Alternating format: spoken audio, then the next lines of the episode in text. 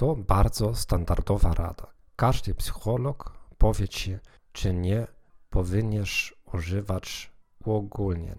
Nigdy mnie nie słuchasz. Zawsze starasz się mnie winić za wszystko. Zawsze się spóźniasz. Mój profesor na Uniwersytecie w Hamburgu, Inghard Langer, powtarza nam wielokrotnie. Uogólnienia zawsze brzmią ważne i zawsze są blendne. Jednak sam bardzo często używam uogólnień w sytuacjach emocjonalnych. To przychodzi bardzo naturalnie. Co więc możemy z tym zrobić? Po pierwsze, musimy zdać sobie sprawę, że uogólnienia sabotują każdą konstruktywną rozmowę.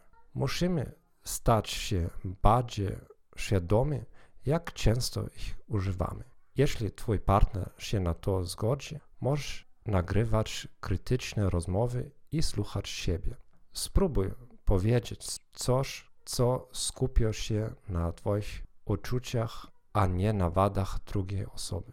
Kiedy się spóźniasz, nie powiadamiając o tym, czuję, że mnie nie obchodzisz. Jeśli druga osoba nie ma cech narcystycznych, najprawdopodobniej przeproszy, a ty będziesz w stanie znaleźć rozwiązanie swojej skargi.